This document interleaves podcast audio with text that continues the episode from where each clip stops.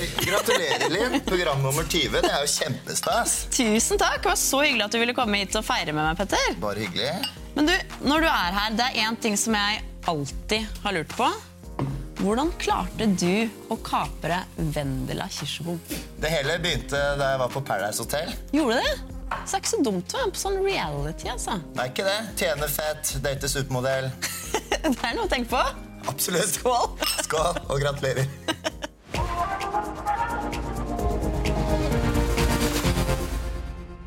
Vi skal snakke mer med Petter og reality-psykolog Hedvig Montgomery etterpå, men først så skal det handle om Barack Obama. For denne uken her så var han i Oslo for første gang siden han mottok fredsprisen. Og det var det dere to eh, som fiksa. 24 år gamle Marius og 25 år gamle Kristoffer. Hvordan forbereder man seg for å ta imot en amerikansk president? Det å forberede seg til å ta imot en amerikansk president, det, det, er litt rart. fordi når du har en konferanse med 3000 deltakere, så er det jo enormt mange detaljer som skal på plass. Eh, det er eh, deltakerlister som skal lages, det er eh, stand som skal rigges opp, det er en scene som skal på plass. Og det å ha Barack Obama der, det kommer jo bare på toppen av hele arrangementet. og vi fikk jo æren av å ta han imot, faktisk. Er det noen spesielle måter man må titulere han på, noe du må si når du møter han? Vi, vi snakket jo litt om det i forkant. Men, eh, men rakk aldri å forberede oss skikkelig på det. Så det var litt eh, morsomt, for vi pratet med en, av, eh, en i hans administrasjon rett før han kom. Og da var Det litt sånn, det var tre minutter før han kom og spurte om er det noe spesiell presidentetikette vi skal, skal, følge. eller lignende.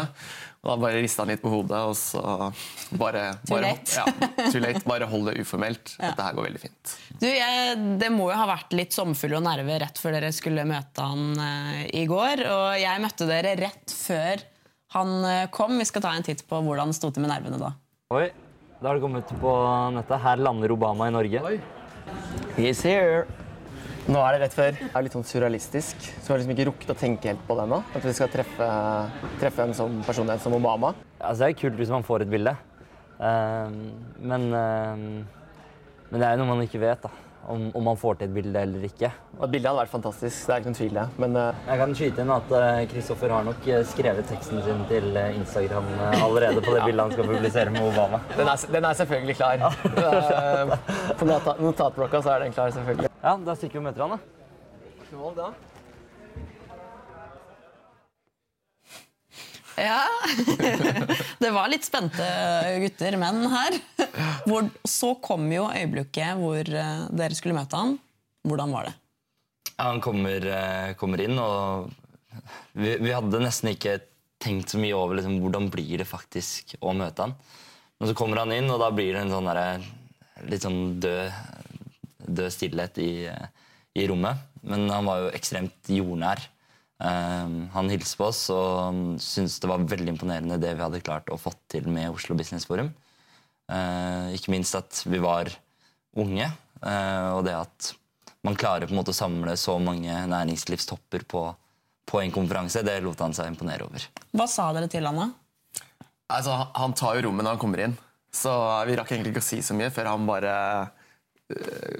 kommer inn og tar hele rommet og påpeker det der eh, så fantastisk kult at det er to unge gründere som står bak dette her.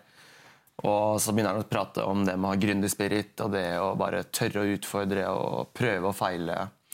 Og ja, rett og slett at han var utrolig imponert, tror jeg. Og så uh, sto det jo de ti andre Vi er totalt tolv nå. De ti andre sto rett ved siden av også, så de kom jo inn og ble, tok en del i samtalen etter hvert, de òg. Snakket dere lenge med han, eller? Alt er relativt, så jeg tror det varte en sånn ett til to minutter totalt. Ja. Uh, men jeg tror det, det, var ganske Det holdt. Mm. Og så fikk dere jo bilder med han som dere var litt spent på på mm. forhånd. Uh, med dere tre. Det er noen spesielle T-skjorter dere har på det bildet, Marius? Absolutt. Og, og det, var det, som var, det som vi var litt spent på, var faktisk om han ville ta dette bildet her med oss hvor vi hadde på oss disse T-skjortene. Ja, for står, jeg Les opp hva det står der. Det står I met, I met Obama. And all I got was this lousy T-shirt. og så hadde han en annen T-skjorte. Hva sto det der? Han hadde en egen T-skjorte hvor det sto I went to Norway and all I got was this lousy T-shirt. Hvorfor hadde dere lagd akkurat den? Nei, Vi tenkte at um, vi, vi, kunne selvfølgelig gitt han en eller annen form for gave eller uh, noe sånt man får når man holder foredrag. og på alle konferanser eller blomster. eller noe sånt. Vi tenkte at nå skal vi gjøre det litt, litt ekstra kult. Sørge for at han får med noe han kan uh, ta med seg hjem som et minne fra Oslo Business Forum. Og ikke minst at vi får et sinnssykt kult bilde som vi kan uh, dele i sosiale medier. For sist han var her, så fikk han jo fredsprisen. Nå fikk han T-skjorte. Ja, det er, eh, det er kanskje en litt uh, forskjell på det å få fredsprisen og å få en uh, T-skjorte, men jeg tror uh, Jeg tror han likte T-skjorten best. Ja. ja, det tror jeg det tror jeg egentlig jeg også, det tror jeg. faktisk. Men han syntes det var gøy å være med på bildet. Ja, veldig kult. Og han var utrolig sporty. Så det, det her var jo Det er strenge rek- sikkerhetsrutiner eh, når en sånn person kommer. Og dette var ikke avklart i forkant, så vi dro, den litt sånn på, dro det litt på sparket. Men han stilte sporty opp og syntes det var eh, dødskult og fikk seg en skikkelig god latter. Men du, det er ikke, kan ikke være eh, lett å få en eh, tidligere amerikansk president til Norge. Dere har jobba en stund for dette. her. Hvordan begynner man med det? I dag skal vi, Nå begynner vi. Nå skal vi prøve å få Obama. Hvem er det du taster inn nummeret til da, Marius? Nei, Det er en uh, veldig god kontakt uh, som vi har. Han uh, hjalp oss også med å sette oss i kontakt med Ferguson en gang i tiden. Hvor hele historien vår startet. Og han har vi en veldig god relasjon til. Så, um, så ofte så starter vi å egentlig å sende en mail til han. Og Hvem er det? liksom, eh, ja, det, det tror jeg mange skulle likt å visst. Godt sende meg nummeret Ja, hans. ja, vi, vi tar det etterpå. Men da sender vi en mail til han og så spør vi om uh, mulighetene. Og han sjekker da med, med sine kontakter hvordan kalenderen til de ulike profilene ser ut i, de neste månedene. Og selvfølgelig med, med Obama så er det jo så er det vanskelig for han å kunne gi et svar kanskje et år i, i forveien. Så der kommer jo bare noen måneder før konferansen. Uh, og da må vi bare hive oss rundt og få alle detaljer på plass for at vi skal få det til. Han har ikke holdt veldig mange foredrag utenfor USA etter at han gikk av som eh, president, så det må jo betalt han ganske godt, da. Det er faktisk det andre foredraget han holder etter han gikk av som, eh, som president. Ja. Hva kostet det? Og det syns vi er utrolig kult. Hva kostet det da? Nei, det er sånn at alle, alle kontrakter vi har med foredragsholderne våre, de er individuelle. eh, Og det er ting vi aldri går ut med. Tidligere så har jeg sett at han og Bill Clinton, tidligere president, har fått opp mot fire millioner kroner. Det er noe rundt der, da, kanskje. Det som er eh, i hvert fall én ting vi er sikre på, er at eh, Obama ga vanvittig mye verdi til de som var på konferansen i går. Men ja, han har jo også sagt at han ikke altså han vil avlyse uh, taler han holder hvis det blir oppgitt hva han får betalt. Så det er nok derfor dere ikke vil si det. Det var vel en dansk avis eller noe Ja. sånt som uh, skrev noe om det. truet med det. Som ikke noen ting til. Men nå har han jo vært her. Ja, nå har han vært her, så, nå er det, da, så det er ikke så mye han kan avlyse. Det handler jo også om at vi må ivareta de relasjonene vi bygger opp. Så, um, så det er klart man kunne gått ut med alle detaljer i ettertid. Men det hadde vært veldig kortsiktig tankegang da, for uh, våre neste bookinger. Men det som var litt gøy, var at vi, eh, da han hadde dratt da, eh, fra konferansen, fikk lov til å bli med dere backstage og se litt hvordan det var der han kom inn, og hvordan det var på bakrommet. Vi skal ta en liten eh, titt på det. Nå er dere bak eh, kulissene. Kjørte vi inn, Han kom inn her rett inn den porten der. med bil. eh, Med bil, ja. Og så fotsession. Man én og én fram, og så får man en handshake med Obama. Og så fikk man et, et personlig bilde hver. da. What's your name? Christopher. Christopher. Yeah, nice to meet you. Nice to meet you, Christopher. Og så, etter de bildene var ferdig, så var det en liten tur innom uh, green room. ja. Sølvgrønt, men Så dette her Obama satt og ventet da før han skulle på Ja. scenen. Så Det er jo ganske sånn ja, Var det nært? enkelt. Ja, enkelt og greit. Man krever ikke så mye. Og her er liksom bordet han som han fikk servert. Ja. Litt sånn druer og Pepsi og epler. Det ser jo ganske enkelt ut. Det er ikke sånn superfancy det bakrommet hans. Hadde han liksom en sånn rider, noe spesielt han skulle ha på bakrommet? Han har en veldig enkel uh, fyr å sammenligne med. Så det var kanskje den minste rideren vi har hatt. uh, I hvert fall sånn på sånn eh, mat og drikke og alle sånne rare ting. Men, uh, men eneste som var spesielt, var at han, eller måtte, eneste spesielle, og det sier litt om hvor lite han krevde, var at vi måtte fikse te. Og at vi ikke kunne få te fra bare den menyen, men at du har en vannkoker. Måtte ha egen vannkoker. Måtte ha egen vannkoker. Og det hadde ikke, det hadde ikke X-Meeting Point på lokalet. Så måtte restaurantsjefen sette seg i bilen, kjøre hjem, hente sin egen vannkoker, kjøre tilbake, og så satte han vannkokeren på plass. Og da var alt i orden. Jeg tenker Det må jo være ganske kult da, å kunne si etterpå at eh, man har gitt vannkokeren sin til Barack Obama, eller at den vannkokeren her har blitt brukt av. Kan selge på finn.no. Og så var det jo der bak der også mulighet til å ta bilder én og én med Obama for de som hadde litt penger i lommeboka, for det kosta jo 32 000 kroner. Var det dere som satte den prisen, eller? Det var vi som satte prisen, ja. Ja. Eh, Hvem får de pengene? Dere eller han? Nei, altså Det er jo et helt prosjekt her. Så, så vi som arrangør har jo vanvittig mye kostnader rundt en sånn konferanse. Det er 3000 deltakere som skal mat, de skal ha servering gjennom hele dagen. Men dere betalte ikke noe for bildet dere tok? Nei. Nei. Noen fordeler må man ha som Ja, arrangør. ja, absolutt. Tusen takk for at dere kom. Ja, veldig hyggelig å ha dere her. Det er 17 år siden Anette og Rodney hadde sex på TV og sendte sjokkbølger gjennom marg og bein på de fleste nordmenn. Nå er det ganske vanlig å drikke seg full og krangle og ha gruppesex på TV. Hvem, hvem er disse reality-deltakerne egentlig som melder seg på sånne programmer? Vi har en her. Petter Pilgaard, velkommen. Du er jo kjent for mye forskjellig, men først og fremst eh, i 2009, da du ble med på Paradise Hotel. Ja.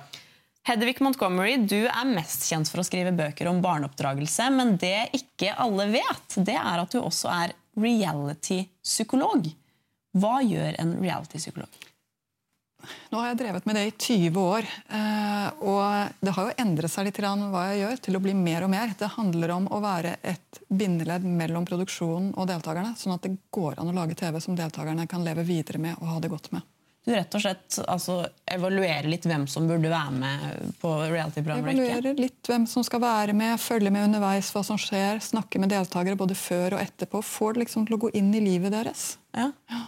Og, eh, hvem er det som ikke burde være med på reality-programmer? da? Det handler om så mye, og det er så mange historier, og hvert eneste program har sin egen logikk også. Eh, Men står du i et li- sted i livet ditt hvor det er lite fotfeste, så er ikke det å være med på et reality-program det smarteste. Nei.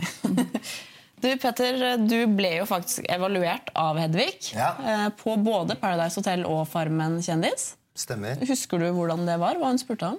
Ja, det var, jeg tror egentlig i begynnelsen du sonderte litt terrenget, jeg. Og stilte litt sånn trivielle spørsmål. Han, eh, hvor, eh, hvor kommer du fra? Har du studert? Hvordan, hva gjør du på fritiden? Litt sånn, etter det jeg kan huske.